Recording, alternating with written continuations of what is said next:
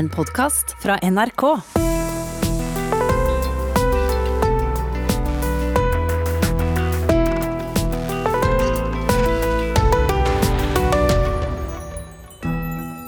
En ung mann som sier nu. En gammelmannsdyrker. En pelsvestkledd refser av samtiden. En nasjonal skatt, ifølge tidligere L-redaktør Signe Fardal. Eller det største TV-fenomenet siden Lotepus var på Farmen. Mitt navn er Hilde Sandvik, som hver dag i påsken skal være sammen med de jeg har hatt mest lyst til å snakke med. Om det er en liten tråd i samtalene, så er det gjenoppstandelse. På en, eller annen måte, fysisk, mentalt, til og med konkret. I dag har jeg en gjest som til og med har vært død, og våkna igjen. For Øde Nerdrum er min gjest. Velkommen, Øde. Nå Farmen kjendis-Øde, sønn av Odd Nerdrum Øde, kunstneren Øde. Men hvor skal vi egentlig begynne? Hei. Tusen takk. Veldig hyggelig å være her. Så fint at du kunne komme. Kan jeg forresten spørre deg om noe først? Dette navnet Øde. Eh, hvor kom det ifra, og hvorfor med tødler? Å ja, hvorfor med tødler? Du vet, Det er en sånn klassisk historie, egentlig, som nesten alle har, at jeg skulle egentlig hete noe annet. Ja. Du har sikkert det, du også? Eh, kanskje med en A istedenfor en E på slutt. Ok, men det er ikke dramatisk. Nei, det, det er ikke dramatisk. Men jeg skulle jo hete Nord. Ah, Mm. Og så kom denne sykdommen og dette, denne sykehusinnleggelsen og alt det der, og da fant min far på øde. Hmm. Av en eller annen grunn. Jeg vet ikke om det var fordi det minnet om ordet døde, eller hva det er, men grunnen til at det er med to tødler over, er rett og slett at det har svensk bakgrunn. Svensk-finsk. Ja, for det er et navn på svensk og finsk. For jeg prøvde å google meg fram til om det skulle være en betydning utover det som vi vet om det øde, da. Jo, men det er, veld, altså det er veldig gammelt. Det er, det er ikke blitt brukt på flere hundre år. Mm. Så det, det var jo en liten diskusjon med myndighetene hvorvidt de kunne få lov til å kalle meg Øde. Ja, nettopp. Her er hvordan du ble presentert på Farmen kjendis.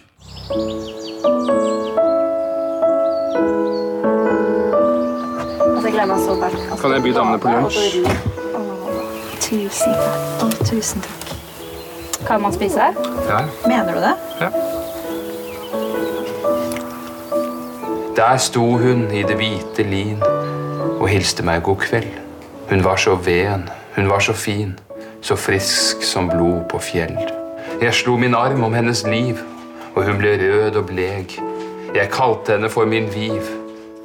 Jeg er nok eh, blitt en eh, mer og mer større klisjé eh, på en gammelmannsdyrker. Her står jeg som på ny besjelt, så svalt er nå mitt blod.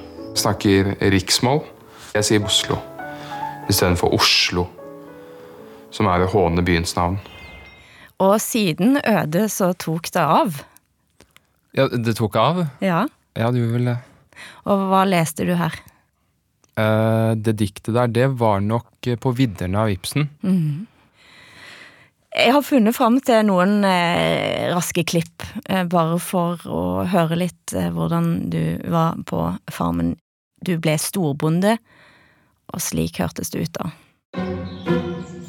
Det viktigste å tenke på som storbonde, det er hvordan man kan skape en distanse mellom seg selv og de andre for å få et naturlig lederskap, men samtidig eh, ha et intimt forhold til eh, sine borgere. De Ja, det er ikke lett. For, ja, nei, det er ikke lett å være storbonde, og her er òg denne mm, ideologien som du plutselig ble dytta på eh, som storbonde. Jeg ville ikke kalt det ideologi, jeg ville kalt det lederfilosofi. Ja, lederfilosofien som storbonde, men i det vi skal høre nå, eh, så tar du avstand fra deler av ideologi, iallfall. Hva syns du, Kine? For Gi mer ons brent og lundereid! Men eh, nei, få nå vekk den barten, da. Terje. Terje er ikke redd for å spøke med forskjellige ting. Eh, Jeg elsker å spøke med Hitler. Jeg syns han er en morsom figur. Jeg tror ikke jeg kommer i nærheten av et Hitler-regime. For det første så er jeg ikke sosialist. For det andre så er jeg ikke en speider. For det tredje er jeg ikke jødehater.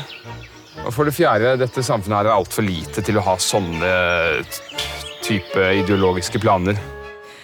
Men så skal du altså velge deg førstekjempe, er det det det heter på Farmen? Ja, det stemmer. Og da sliter du litt, eh, og du har samla alle sammen rundt bordet og har følgende filosofi. Det er litt som å velge kone. Finne en dame man skal gifte seg med. Det er ikke, du har ikke en sjekkliste. Det er så mange forskjellige grunner at det er uforklarlig. Så jeg har på en måte valgt meg en dødens kone i dag. En dødens kone, det er første gang jeg har hørt på, på TV. Er det det? Men, eh, men jeg tenker, altså dette er jo noe av det som er grunnen til at folk eh, ønsker å se Farmen og begynte å følge med. Og, eh, men begrunnelsen din for å si ja, kan du gi meg den? Det blir jo litt som det jeg nettopp sa, da. At det er mange ting som spiller inn. Mm. det ene, det er at jeg fikk jo Jeg fikk jo eh, ganske mye oppmuntring til å si ja fra folk rundt meg, fordi de mente jeg hadde talent for noe slikt. Noe slikt. Ja, altså, hva skal jeg si? Altså, jeg vet jo ikke helt hva det er for noe jeg har vært med på. Det er jo altså at, eh, at jeg har en naturlighet foran kamera, da. For eksempel. Det er en side av det. At jeg ikke er redd. Det, det henger vel sammen, kanskje. Men det er Så- jo noe med sitatene dine her òg. Eh, friske sitater som kommer fra et sted som en eh, Dette har jeg ikke hørt før. Denne Mm. sammenstillingen av ord var ny. Det er ikke så ofte i samfunnet. Ja, det er kanskje ikke det. Jeg, jeg, jeg vet ikke. Jeg tror kanskje det, det som er litt sånn paradoksalt her, er at på en måte så er jeg ganske utadvendt. På en annen måte så er jeg veldig innadvendt. Fordi jeg henter jeg, jeg lapper forestillinger og ord sammen som jeg tenker på inni meg. Så det er jo ikke sånn typisk reality-ekstrovert menneske. Og det tror jeg blir litt spesielt for mennesker. Men det er et aller siste klipp fra Farmen kjendis eh, før vi skal helt eh, snakke om noe annet. Men eh, du fikk òg i denne episoden brev fra din søster som skriver følgende. Kjære bror. Dette er din søster som skriver. Hvis de andre deltakerne er der nå og hører på, vil jeg gjerne si dette. Lær Øde å kjenne, for dere dømmer han. Han er eksempelet på toleranse. Men jeg vet at han noen ganger kan gi inntrykk av det motsatte. Men som sagt, lær han å kjenne, for hans frittalende ord kan finne på å stikke deg i nakken. For han er virkelig, uten tvil, det beste mennesket jeg har hatt i livet mitt. Det er ganske sterke ord fra en søster. Mm, det er veldig dramatisk, da. Dramatisk. Det høres dramatisk Dere ut. dømmer ham. Det er, jo, det er jo en form som er veldig dramatisk. Du kjente igjen din søster i det hun skriver der? Ja, jeg gjorde det. Samtidig ble jeg litt overrasket over at hun hadde den ideen, at jeg skulle bli dømt på en slags måte. Men Men jeg var der jeg tenkte vi, vi skulle gå tilbake, for det kommer jo fra et sted, og dere kommer fra et sted. Um, uh, og vi har jo på en måte blitt kjent med en øde i, i offentligheten, Uh, men uh, hvordan ble du til? Altså, og kan, altså det å gå helt tilbake og fortelle om hva det var du egentlig vokste opp med, som sønn av Odd Nerdrum, eh, og i et miljø som på mange måter er antitesen til den samtiden som vi lever i. ja, det er jo det. Eh, og det er jo litt sånn at samfunnet i dag blir jo mer og mer Hva skal man si? Det blir mer og mer en fabrikk, da. Eh, hvor eh, man utdanner seg til noe og blir liksom ledet inn på, eh, på en slags eh, rulletrapp eh, hele tiden. hver eneste dag.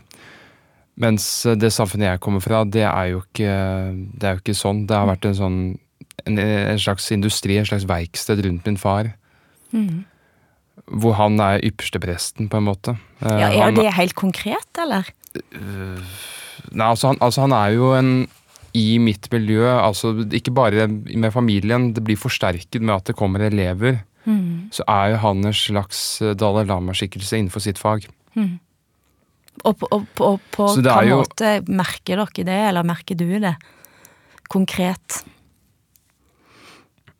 Nei, jeg det blir, jo, det blir jo sånn at man vokser opp med en, eh, en eh, spirituell lederskikkelse. Mm.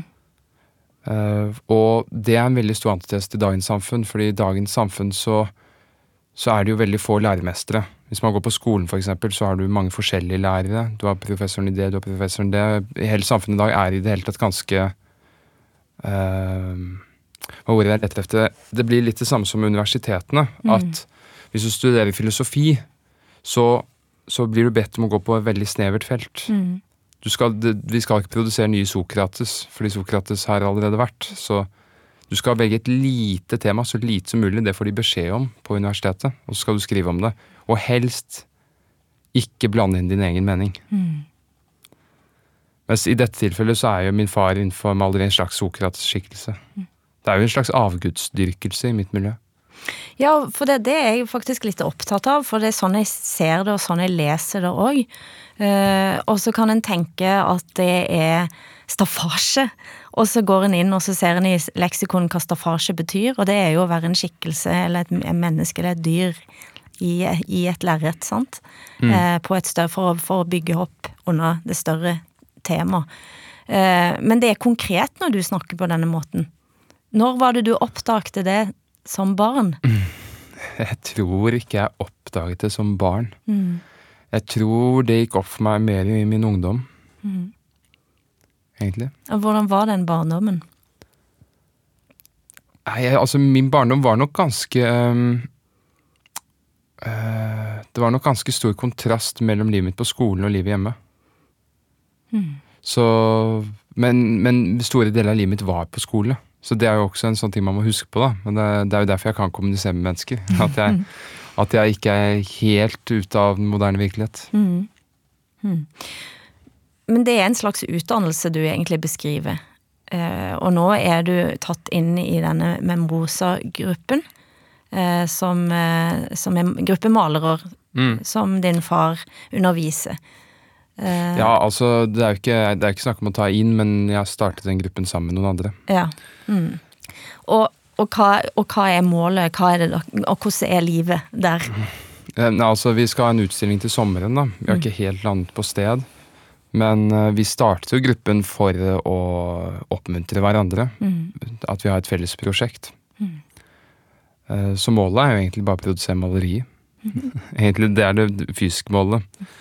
Det åndelige målet er at vi oppmuntrer hverandre og skaper et fellesskap.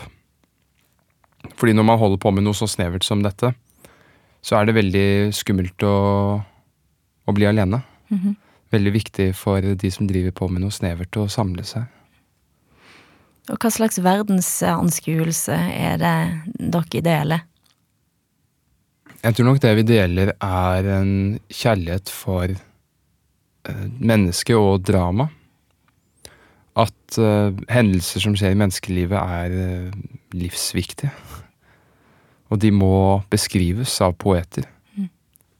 Ik ikke bare for at vi skal huske dem, men det går mye dypere enn det. Det skal helst være en gjenkjennelse i det. At når du ser på et bilde, det er akkurat som å se på et teaterstykke. Du skal gjenkjenne noe av det selv i verket, og dermed få en dypere erkjennelse.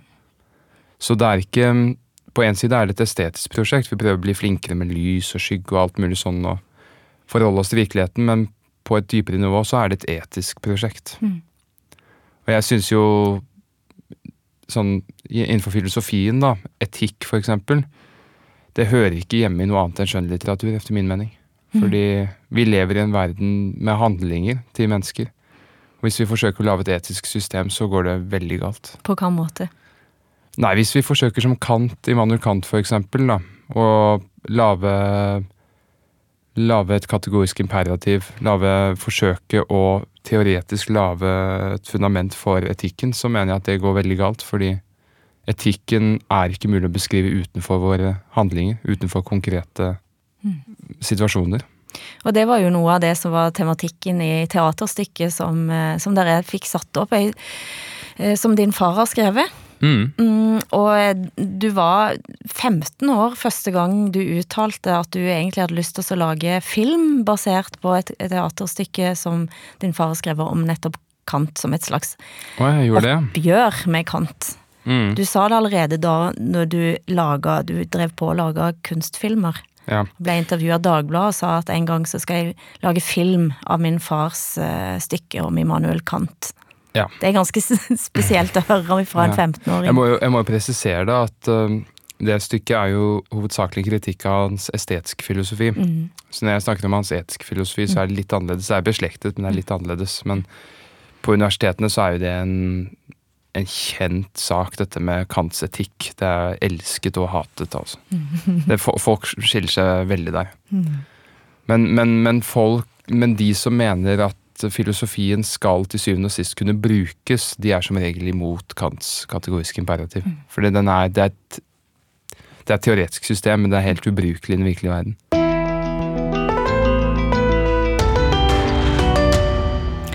Du hører på Sammen med Sandvik, og den som sitter her sammen med meg i dag, er Øde Nerdrum. Mm. Men dette forholdet til din far, da. Eh, fra utsiden så, så kan en bli bekymra og tenke Handler alt om far? Eh, altså, hvor lang vei er det fra eh, Øde til Ødipus?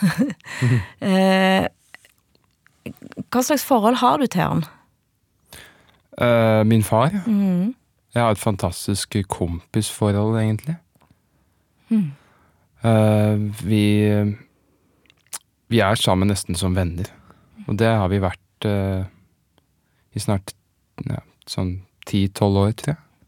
Ifølge han så tror jeg det starta ganske tidlig, og vi kan faktisk høre for han fortelle den, eh, om det øyeblikket da han trodde han hadde mista deg. Eh, Du er en liten baby. og Dere sitter i en taxi eh, og kjører i full fart på sykehuset, far og, og sønn. eh, Og kanskje var mor med òg, vet jeg ikke, men, men her forteller han om det på Skavlan. Og så døde Øde i drosjebilen som gikk på sirener opp til sykehuset. Da døde han. Og da var han død en stund. Og så kom han opp på sykehuset, og så satte de i gang for Så, redde ham. I en drosjebil med en lege, da? eller? Ja, med en lege som kom fra det private sykehuset. Så, så saken var at han var død ganske lenge, og da han senere ble døpt, så sa jeg da eh, i talen da, at han hadde vært innom dødsriket. Og jeg var veldig spent på hva han skulle fortelle om det senere i livet. Jeg husker jeg skulle på en tur med gutta på tur, eller hva det var for noe. Og da ville han absolutt følge meg til, eh, til et sånt sted hvor det kom en seilbåt som skulle hente oss. Og det var da jeg i grunnen oppfattet at eh, vårt vennskap begynte, egentlig. Før det var han en baby som uh, lagde sånne rare grimaser om natten. Så jeg var jo veldig redd for at han var alvorlig skadet av den ulykken. Og fordi det er jo helt forferdelig hvis det skjer noe sånt på den måten. Og det var det jeg var redd for hele tida, at det skulle skje et eller annet. Og det øh, satte i gang. Men så fant vi gudskjelov ut etter hvert at det var Tourette. Her er mange ting han, han sier, men han sier òg at sta vennskapet starta i det øyeblikket.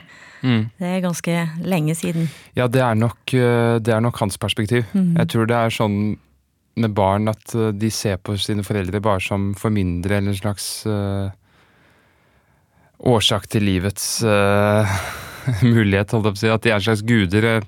Jeg, jeg følte iallfall ikke at jeg var venn med min far før jeg kom i ungdommen. Det var da jeg på en måte oppdaget ham.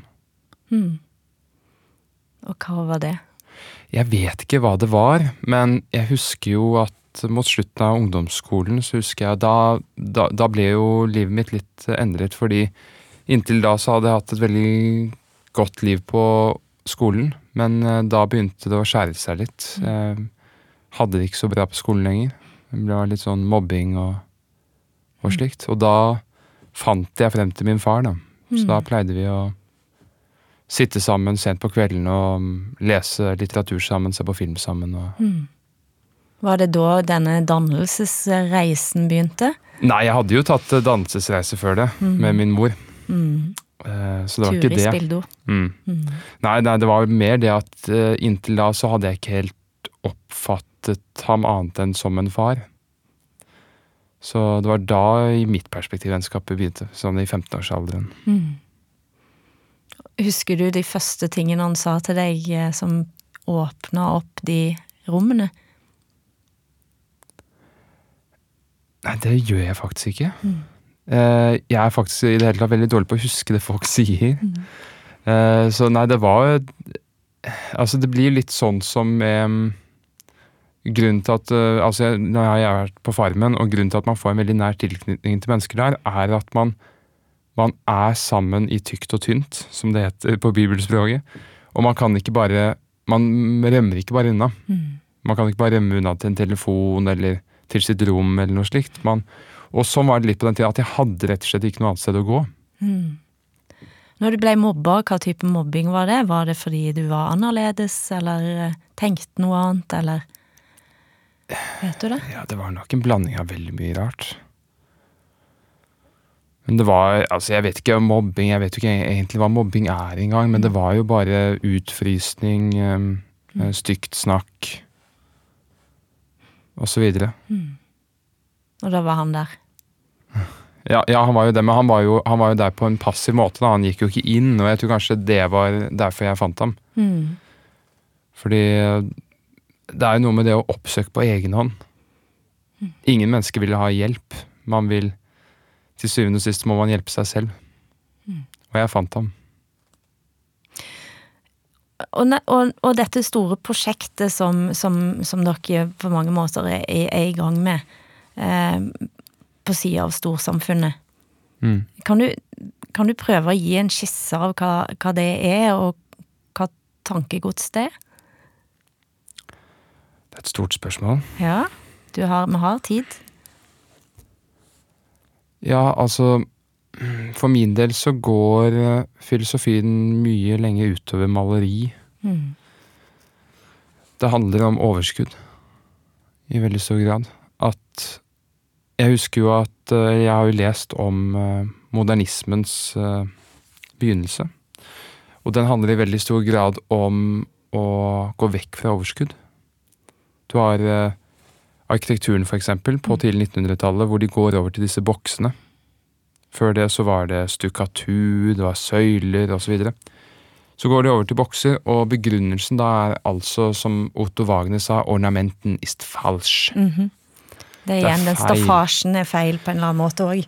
Og Ja, blir feil. Mm. overskudd er feil. Vi må være ærlige. Det er denne ærlighetsstyrkelsen. Mm. Uh, og vi trenger ikke noe mer enn våre aller mest primære behov. Tak over hodet, nok å spise, litt underholdning. Og det ser du i dag på filmindustrien også, at jeg oppfatter at det blir lavere og lavere i kvalitet. Og mer og mer at man serverer underholdningen som som suppe i en skje, holdt jeg på å si. Det, det er, baserer seg veldig mye på kvantitet, da. At folk, man skal mette folk med brød og sirkus hele tiden. Og jeg, jeg tror mye mer på et overskudd. Jeg tror at vi mennesker eh, har et stort behov om å bli omringet av noe som kan fortelle oss at livet er mer meningsfullt enn bare disse primale behovene. Og det overskuddet, hva kaller du det? Jeg vet ikke, det er overskudd. Det er så enkelt. Vi må snakke mer om overskudd. Alt, fra du, alt fra når du går nede på en gate og du ser, du ser på en bygård og den har spir eller noen søyler eller noen vakker stukkatur. Eller at du kommer inn i et lokale og det er svære malerier som beskriver scener fra vet ikke, Olav den helliges slag ved Stiklestad, hva som helst. Noe som forteller oss at noe har skjedd, og det var viktig. Du, jeg har sett så vidt på et foredrag som du hadde om konservatisme. Oh, ja. Eh, og der begynner du med Tizian-maleri. Eh, og sier at det er et av verdens fremste. Men så sier du at det, det som kjenner dagens konservative, er at eh, de ikke Altså, de er kulturfiendtlige. Du bruker kanskje ikke ordet kulturfiendtlig, men at de ikke kan noen ting om kultur. Ja, det er jo eh, Hvis du ser på politikken, eksempel, så har jo venstresiden vært veldig dyktige når det gjelder kultur.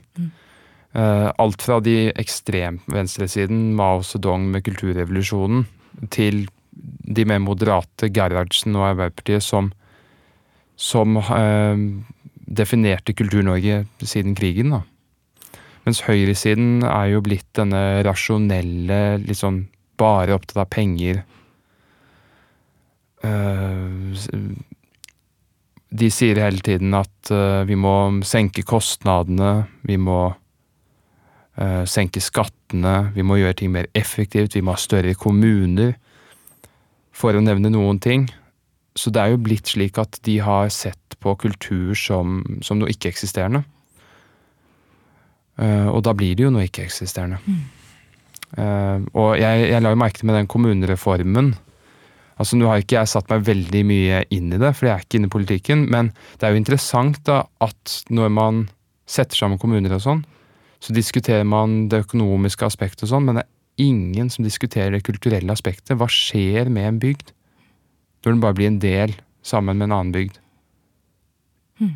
Skjer det noe kulturelt da? Hva er det som skjer? Er det noe med identiteten som forandrer seg? Og det er den, altså denne kultur, altså den kulturfattigdommen som du beskriver da, altså hva hva er, du, hva er målet ditt, hvis jeg kan spørre om det? Hva ønsker du? Jeg ønsker jo at, eh, at vi i Vesten, og særlig nordmenn, eh, kanskje siden jeg allikevel bor her, skal eh, få en større bevissthet rundt sin kulturidentitet og sin kulturarv. Og velge det beste. Mm -hmm. Ja, for det, det, har du snakket om, at det er du opptatt av og opptatt med. Ja. At det skal være best. Ja. Og, og hva det, betyr egentlig det? Nei, Det er jo så vanskelig, fordi jeg, vi, vi, går jo i blinde, vi går i mørket, men det er noen ting som kan hjelpe oss i å velge det beste. For eksempel så er vi veldig blinde overfor ting som er nytt. Mm. Vi blir så lurt av ting som er nytt. Det glinser og wow, det er så mange flotte ord og uttrykk. Og det er derfor man snakker om klassikerne innenfor litteraturen, fordi de har tålt tidens tann. ikke sant? Fordi hvis du finner en bok fra 1840 eller noe sånt, så er det innholdet i boken du er opptatt av. Du er ikke opptatt av at dette er en nyutgivelse. Så, så det å være bevisst på hvor feil samtiden tar ofte, f.eks. i rokokkotiden hvor man dro ut tennene på barn og lagde gebiss av melketenner til voksne folk, for det var på moten, å ha barnetennegebiss. Det er helt sykt. Det er bare ett eksempel på samtidens vanvittigheter. Men så er det jo også så du, du, kan, du, kan, si at du må unngå tid når du skal velge kvalitet, men det som kanskje er enda viktigere, er at du, du unngår moter. Eh, moter som, som primært sett er drevet av skam man vil gjerne se godt ut for noen andre, ikke sant? Og, og det er det utallige eksempler på i moderne Norge, eller i det hele tatt. At man gjør noe fordi det er siste skrik fra New York, mm. ikke fordi det har noe reell verdi. Men du er oppdratt på en annen måte, kan man trygt si. Ja, iallfall innenfor estetikk så er jeg jo oppdratt til å søke kvalitet. Og det skal være objektivt tidløs kvalitet. Så nært som mulig. Men når folk eh, hører, for det er en del av dette tankegodset, det sildrer ut i Farmen. Eh, og jeg sitter da altså her med Øde Nerdrum, eh, som har sist vært sett på Farmen kjendis. Eh, og der du leser Ibsens dikt og, og, eh, og, snakker om å være en gammelmannsdyrker. Eh, den tilbakemeldingen du får ifra folk hvordan ser den ut? Jeg har lest at du har fått bøtter og spann av frierbrev, f.eks. Det har vært veldig god respons. Jeg, jeg får eh, daglige meldinger av folk som syntes det var veldig gøy å se på. Men hva er det du tror du treffer? Jeg vet ikke hva jeg treffer. Jeg tror nok eh, På den ene side så er det nok mange mennesker som har lignende tankegods. Eh, jeg tror ikke dette her Jeg tror ikke det jeg representerer, er en uh, Er noe merkelig i noen grad. Jeg, jeg, tror mange går rundt og tenker på det. At de ser at moderne samfunn er fattig, og, og kulturelt sett, altså. Mm. Alvorlig fattigdom. Men jeg tror også at uh, de syns det er morsomt å følge med. De kan le litt av det. Og jeg er jo ikke, jeg er ikke veldig selvhøytidelig, uh, og det, det, jeg, det, tror jeg folk uh, setter pris på, da. Mm. Og det setter for øvrig jeg også pris på. Jeg syns det er gøy med mennesker som ikke tar seg selv altfor alvorlig. Mm. Tar gjerne noen saker alvorlig, for det er viktig. At mm. alt ikke bare blir tull, men at man ikke er noe snobbete på egne vegne eller selvhøytidelig. Nei, for det kan, jo, det kan du jo knappast eh, si om deg at du er. Eh, men en, før, før, vi kan gå inn i din evne til å skape sitater, sitatvennlige sitater, for å si det sånn, eh, så eh, leste jeg en, en, artikkel om deg i Nettavisen. Det var før du var på Farmen. Skrevet av Espen Teigen, som var eh, tidligere rådgiver for Sylvi Listhaug. Mm. Og det er en ganske var han interessant det? Ja, det, det var visste jeg ikke. Jo, det var han i, i Han var veldig politisk. Ja, han, ja. På hva måte mente du han var politisk? Nei, uh, han i sine spørsmål. Mm. Han var veldig opptatt av politikk og sånne ting. Han var blant annet opptatt av at du, eh, du har uttrykt din begeistring for Donald Trump. Ja, han var veldig opptatt av det. Ja. Og det har du gjort. Ja. Ja. Og hvorfor har du det? Jeg har jo ikke gjort det i noe særlig grad, tror jeg. Nei, men når du har gjort det, hva er grunnen din for å like Donald Trump? Altså, For å være helt ærlig, jeg, jeg liker ham ikke så veldig godt. Og det er litt sånn Jeg har så mange bekjente som elsker ham, så jeg, jeg tråkker nok på sp mange spikere nå. Uh, men uh, men uh, som politisk så, så, likte jeg hans prosjekt godt. Mm. men som person jeg er ikke sikker på om jeg ville likt ham så godt som person. Han er litt brautende og Jeg tror ikke han er så flink på dialog. Han virker litt monologisk.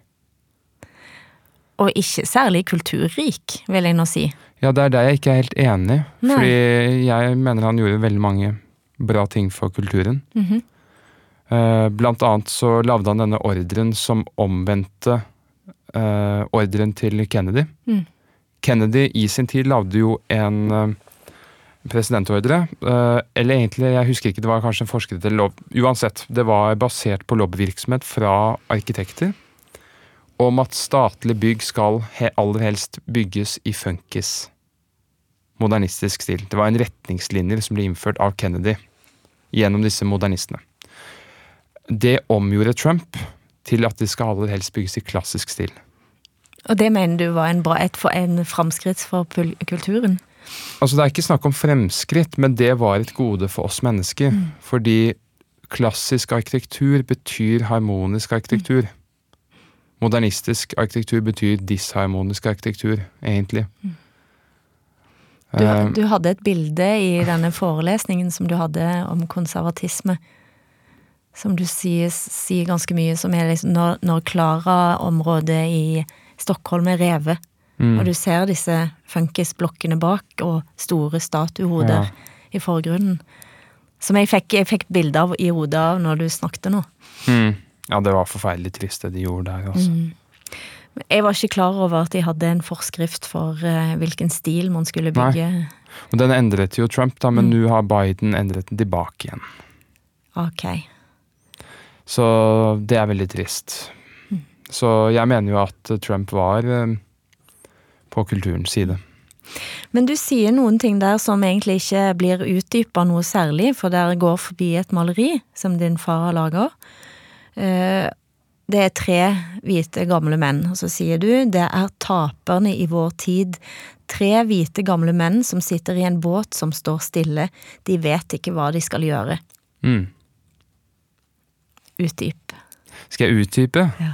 Du vet, Det er det som er så rart med intervjuer, at eh, bla, bla, bla, bla, skravlen går. Ja. og så trekker de frem noen ting, og så plutselig skal man utdype det. Ja, Nei, men det var, det var, noe med bildet der. altså Du trenger ikke snakke om sitatet, men med, med bildet. fordi i mitt ja. hode så ble det ganske sånn tydelig sivilisasjonsbilde, da. Ja, det er jo det. Uh, og det er, det er, tre menn som sitter i en båt som nærmest er strandet.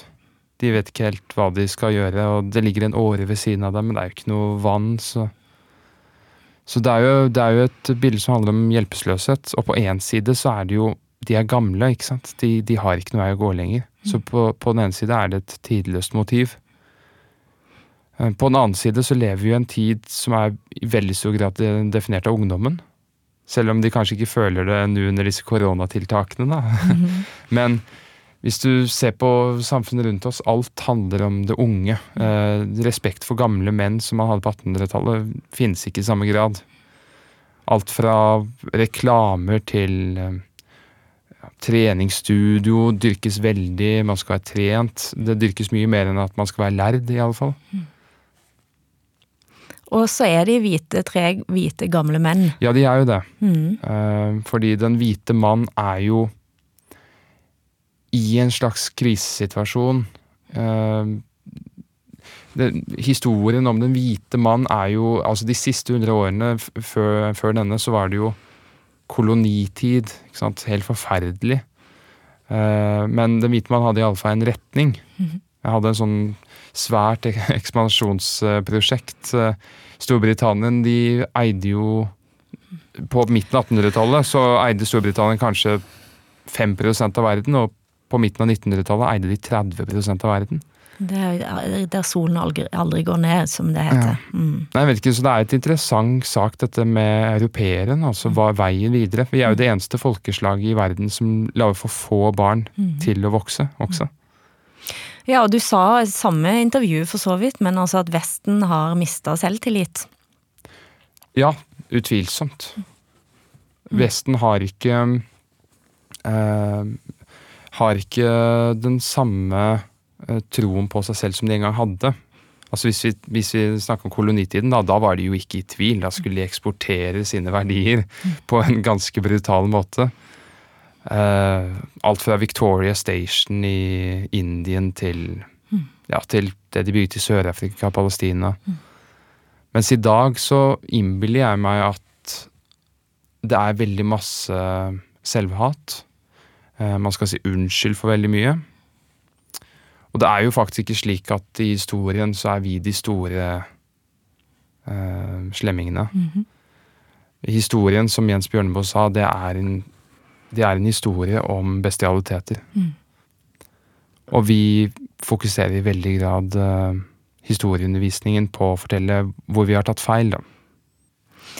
Du sitter mange ganger og spiller piano, har jeg sett i ymse klipp. Og nå begynte du å spille piano, egentlig. Eh, Jeg begynte da jeg var 16-17 år gammel. 17, Å, såpass seint. Ja, det var jo ikke Man blir jo ledet inn i sånt av sine foreldre, stort sett, og det ble jo ikke jeg. Så jeg oppdaget det på egen hånd. Det hjalp det jo at det var et piano hjemme, da. Ja. Men eh, jeg bestemte meg selv for å sette meg ned og sette i gang og lære meg noter, og så gjorde jeg det. Og nå spiller du klassisk. Ja, jeg fordyper meg i klassisk musikk. Jeg gjør det. Men, men dette med Vi har snakket om ungdom og, og ungdomsdyrkningen. eh, Det er veldig lett å tenke at nei, det er altfor sakte, det er altfor seint å begynne å spille når du er 17, liksom. Ja, vet du hva? Det er en sånn ukultur. Og det kommer fra en sånn filosofi på 1800-tallet eller et eller annet som har satt seg veldig. Dette er med at man er født med det. Enten det er dyrkningen av barnegeniet Mozart eller hva det er for noe. Eh, Men hvis du studerer historien, så er det jo faktisk slik at veldig mange storheter innenfor kulturen har vært sene. Som for Eh, eksempel. Caravaggio sitt malergjennombrudd var da han var 30. Rembrandt sin sine malerier før han var 25 så ikke ut. Mm. Puccini hadde sin gjennombruddsopera da han var 35 eller noe sånt. Så det er bare tull, og jeg husker til og med min søster sa en gang da hun var 14 og jeg har lyst til å lære cello, men jeg er for sen. Da sa jeg til henne du er ikke for sen, vær så snill. Det er ganske håpefullt for en som har fulgt fylt eh, 50. Ja, nei, men altså Det å lære seg et instrument, det er veldig vakkert. Det er eh, eh, Altså, det er så utrolig at du kan fremføre musikk, men det å lære seg det og håndtere et instrument er en så stor berikelse i sitt liv. Så uavhengig av alder og hva er det for noe, skal man bli verdens beste hele tiden? Jo, det, det skal man forresten bli. Ja, det skal man forresten bli. Men uh, Paderewski, som var verdens største pianist, han begynte ikke å spille piano før han var 24. Og da han var 29, så sa Tsjajkovskij dette er verdens største pianist. Ah. Tusen takk for den eh, oppmuntringen, vil jeg si. Ja, bare hyggelig.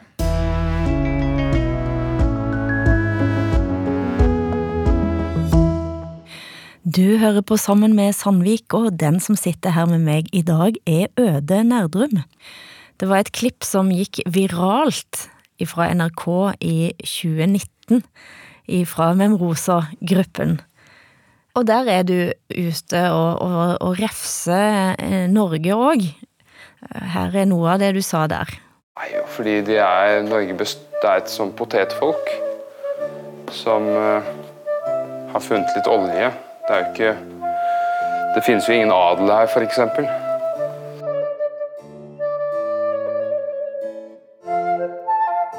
Nei, det er ganske tarvelig. Og så er det jo eh, Nordmenn har jo på en måte en sånn slags stolthet i det faktum at de ikke er kulturelle. De er ganske stolte over det. Der har man jo ytterligere et problem. Bergen er jo overhodet ikke en kulturby. Eh, Så det er, det er jo kanskje Det er jo litt katastrofe, kanskje, å stille ut der. Men eh, nå finnes det jo egentlig ingen kulturby i Norge uansett. Det er jo et eh, ganske bedrøvelig sted. Uansett. Det er morsomt innslag, det. Dette var jo klipt sammen av eh, flere sitater som du har i denne Potetland-videoen som da gikk eh, viralt. Ja, veldig. Jeg tror Ja. nesten det må være den mest sette NRK-videoen Ja. gjennom historien på Facebook, eller noe sånt. Ja. Men hvor, hvor alvorlig er du når du sier dette? Hvor mye mener du det? Hvor mye jeg mener det? Mm. 100 Mm. Det er veldig morsomt innslag. Det er veldig Du morsomt. aner ikke hvor mye folk, eh, folk jeg kjente lo av den der. Og hvilke reaksjoner fikk du? Nei, det var stort sett det at de syntes det var kjempemorsomt. Mm. Nei, og det er jo så jeg, jeg bor i Bergen, da. Ja, Kan, du jeg, kan jeg røpe. Ja, jeg Eh. liker Bergen veldig godt. Eh, Men det er ikke kulturby, det du sier. Det er jo sagt veldig på spissen, da, og det er jo sagt med et smil. Mm. Uh, og det, er, det, det, kanskje, det kan jo hende at folk blir forvirret av det, da. Eh, at det går an å mene noe, men samtidig leke litt med det og ha det gøy. Fordi stort sett så er jo folk veldig gravalvorlige. Ja. Eh, når de uttaler seg på en ting som er litt negativt. Men jeg har faktisk eh, litt sånn jeg vet ikke, litt sånn dårlig fot til Bergen. Fordi jeg syns Bergen er en veldig fin by. Det er den eneste byen i Norge som, som har en slags europeisk følelse over seg. Men jeg syns at Bergen er så forskjellig fra dag til natt. Det er eh, en veldig hyggelig by om dagen, men om natten er det et helvete. Mm. Skikkelig rølpete sted. Bare jeg går gjennom Bergen sent en lørdagskveld, så har jeg på en måte besøkt alle ringene i Dantes Inferno. Så jeg syns noen skulle tatt tak i Bergen og fått ryddet litt opp om natten. Fortell om denne Dantes eh, de ringene du må gjennom. Kan du beskrive dem? Du må jo ikke gjennom dem, men eh, helvete har jo mange ringer. Ja, jeg har det. Ja, og jeg husker jo ikke alle. Det jo, jeg, har ikke, jeg har ikke studert Inferno og Dante nært nok. Men. Bergen har du studert nok. Men det føles litt sånn. Ja. Altså, jeg hadde, Sist jeg var ute på, på sent kveld i Bergen, så så jeg de villeste ting. Jeg kan ikke si det på radio Det engang. kan du. Vi er blitt ganske vågale på radioen. Det er ikke lenge siden jeg satt og snakket om nekrofili, så dette går fint. Ja, nei, jeg så jo blant annet uh, to jenter som gikk sammen. Mm. Og den ene piken hadde spy over hele ryggen og ned til knærne. Og det er greit nok. Men hun snakket normalt med sin venninne, som om ingenting hadde skjedd. Som om det var en vanlig hendelse. Snakket om et eller annet, eh, hva de skulle gjøre i morgen, eller hva det var for noe. Det fikk jeg ikke med meg, men det, det var groteskt. Og hva tenker du om den det, type det, har groteskhet? jeg, det har jeg aldri sett i Oslo. Nei. Denne aksepten. For vulga, det vulgære? nei, nei, jeg vet ikke, altså Man har spy over hele ryggen, og så går man som om ingenting har skjedd. Det oppfatter jeg som ganske sykt. Det, er mu det er mulig at hvis jeg hadde hatt spy over hele ryggen, så ville jeg ha forsøkt å late som ingenting. Ville du det? Nei, men altså, hva skal du gjøre, da? Jeg kunne jo sprunget. Ja, For eksempel sp- Kasta deg i sjøen? springt uh, hjem. ja. ja. Eller ja, da jeg så det, så var det vel november eller noe sånt, så Mm. jeg tror kanskje ikke det ville vært lurt å kaste seg i sjøen. Men altså, de, de, eh, de uttalelsene om, om folket er jo òg et kjennetegn her, og jeg må jo òg spørre deg, husker du, du Eller har du en erfaring av at du har vært død? Eh, Si det. Det enkle, korte svaret er nok nei. Mm. Jeg har nok ikke det.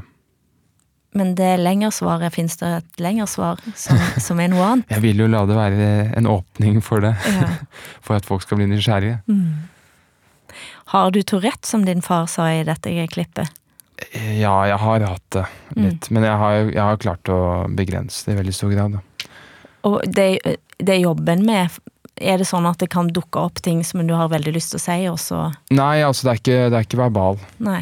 Okay. Det er mer sånn uh, motorisk og leddbasert. og- Nei, for det men, det var- er ikke, men det er, ikke, det er ikke et stort problem, det er bare litt tegn til det. Og jeg tror egentlig veldig mange mennesker har noen sånne raritet ved seg. Uten at det snakkes om. Mm. Det blir snakka om òg, tror jeg.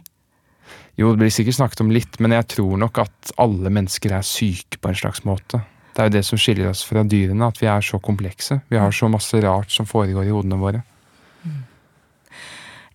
I dette samme intervjuet som eh, på Skavlan, der var du òg med. Eh, og du får spørsmål om dere har vært eh, på ferie. Har han gjennom din oppvekst gjort de vanlige fartingene? Altså er, er han Drar dere på ferier, f.eks.? Nei, vi, vi drar ikke på ferier. Ferier er for underklassen. Det lærte jeg veldig til. Det er i hvert fall veldig slitsomt. Ja. ja, det gjør de for å føle at de har råd. Nei, det...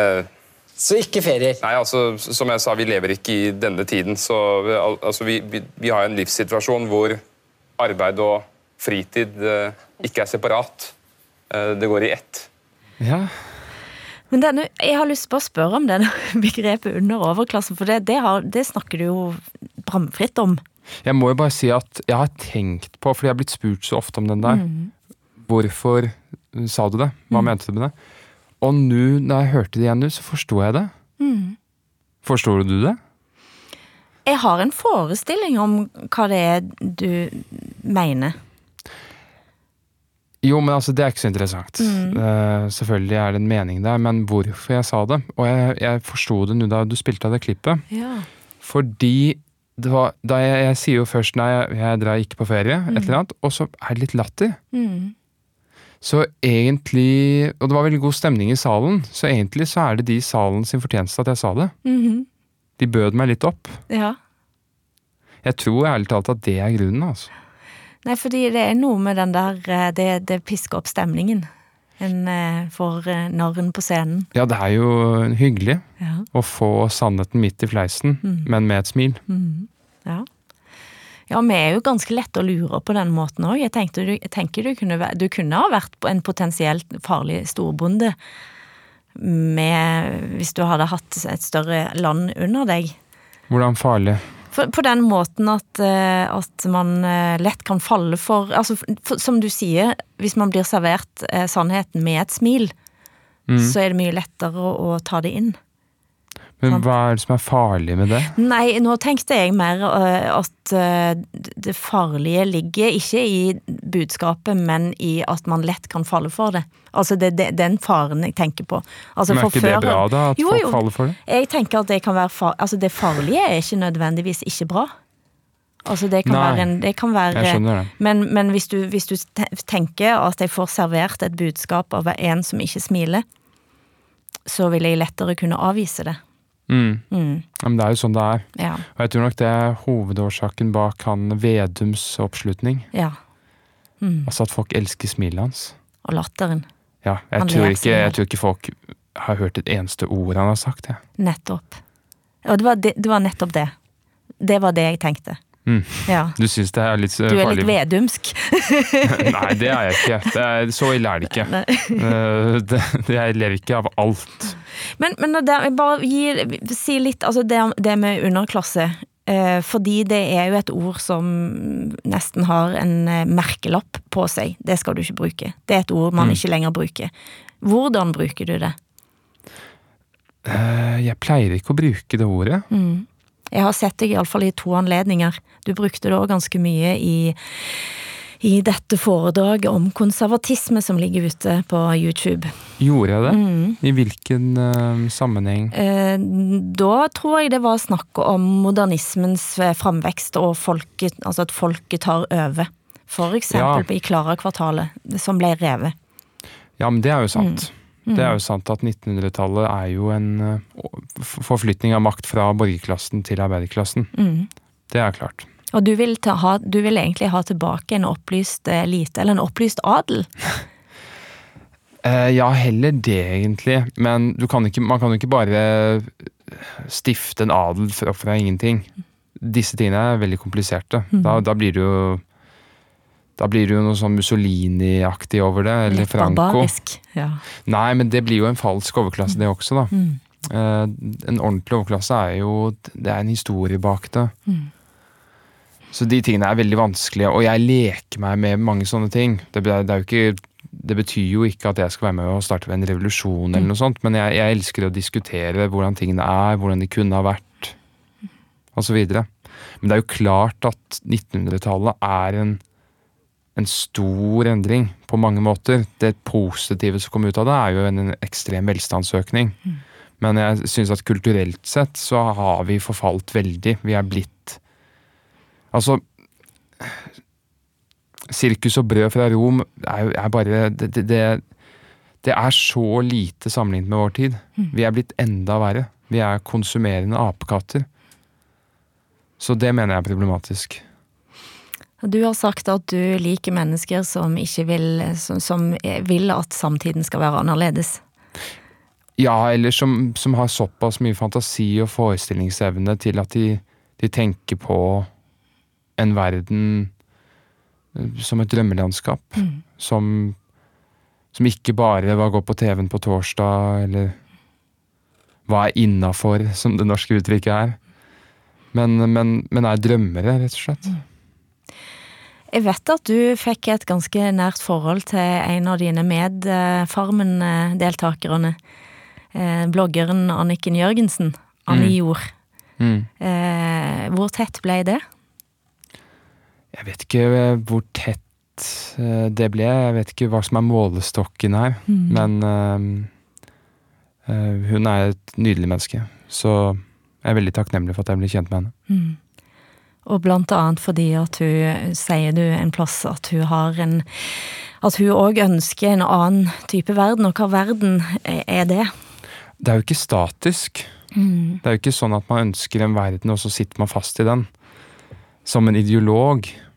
Men det er bare snakk om at man er, man er kommet til den, den verden, og man er ikke, man er ikke bare en gjødsels, gjødselsprodusent. Mm. Men man har lengsler og drømmer om om et liv som er rikere. Og det er jo altså det er alt fra store ting til små ting. ikke sant? Eh, Det at Anniken plutselig leter etter Hun har plutselig oppdaget en sånn konsollbord. Hun leter etter konsollbord i rokokkostil med speil inntil og sånn. Hun var ikke fornøyd med den jeg fant, da. Fordi Åh. det var ikke hvit marmor. Du har kjøpt det til nå? Nei, nei, nei. nei. Nei, Jeg bare, fant, bare, vi, bare, ja. vi bare sånn kikket litt, da. Kanskje jeg kan klare å finne det, men det var rød marmor, da, så det var ikke godt nok. Og det å drømme om sånt, og det må jeg bare innrømme at i denne praktiske koronatiden, så har det tatt meg, jeg har, altså, jeg har tatt meg sjøl i så mange ganger og ønsker folk som kan fortelle meg om en bedre verden. Mm. Det er ikke så mange av de historiefortellerne akkurat nå. Nei, det er liksom Avisene er fulle av disse disse ekspertene, disse virusekspertene er og politikerne. Ja. Og det er så upoetisk og fælt. Hvis du skal gi folk eh, et, eh, et lite push inn i påsken, hvis en skal gjøre noe annet inne i påsken enn å se på påskekrimmen på kvelden og eventuelt gå og spise appelsin på fjellet. Hvis du skal tenke at folk skal åpne denne våren og denne sommeren med et annet type liv, hva utfordringer og oppfordringer ville du gitt? Nei, eh, jeg, jeg syns bare de skal eh, nyte livet, ja, Mm. Og legge fra seg telefonen, kanskje, og drikke vin med venner ute i solen. Er det noe en skal lese, noe en skal se, noe en skal oppsøke? Jeg tenker at det, det, hvis det blir fint nok vær, så er nok det nesten helt umulig. Fordi dette har vært en hard vinter. Ja, det har det. Men uh, ja, hvis de skal lese noe Jeg vet ikke, det er så mye. Mm. Uh, jeg for min del Jeg skal nok dykke ned i litt Tolstoy til våren. Mm. Selv om jeg er mye mer begeistret for Dostojevskij enn Tolstoy, men jeg må jo få lest den Krig og fred en eller annen dag. Mm. Mm. Og det skal du bruke påsken på, eller?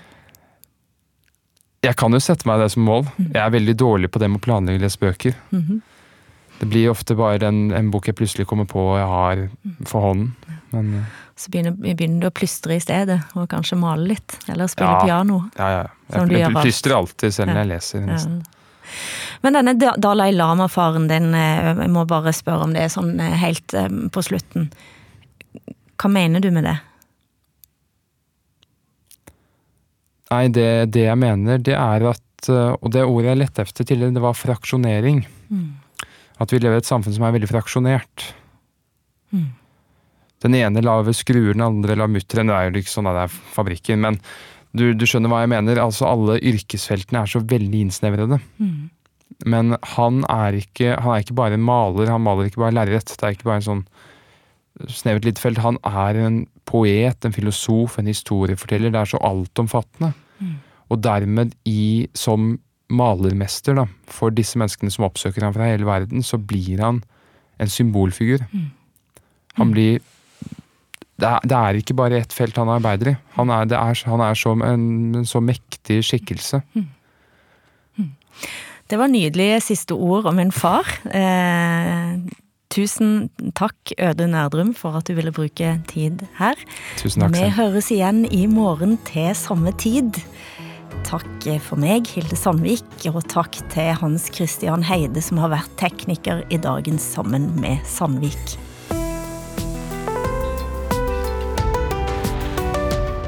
Du har hørt en podkast fra NRK. Hør flere podkaster og din NRK-kanal i appen NRK Radio.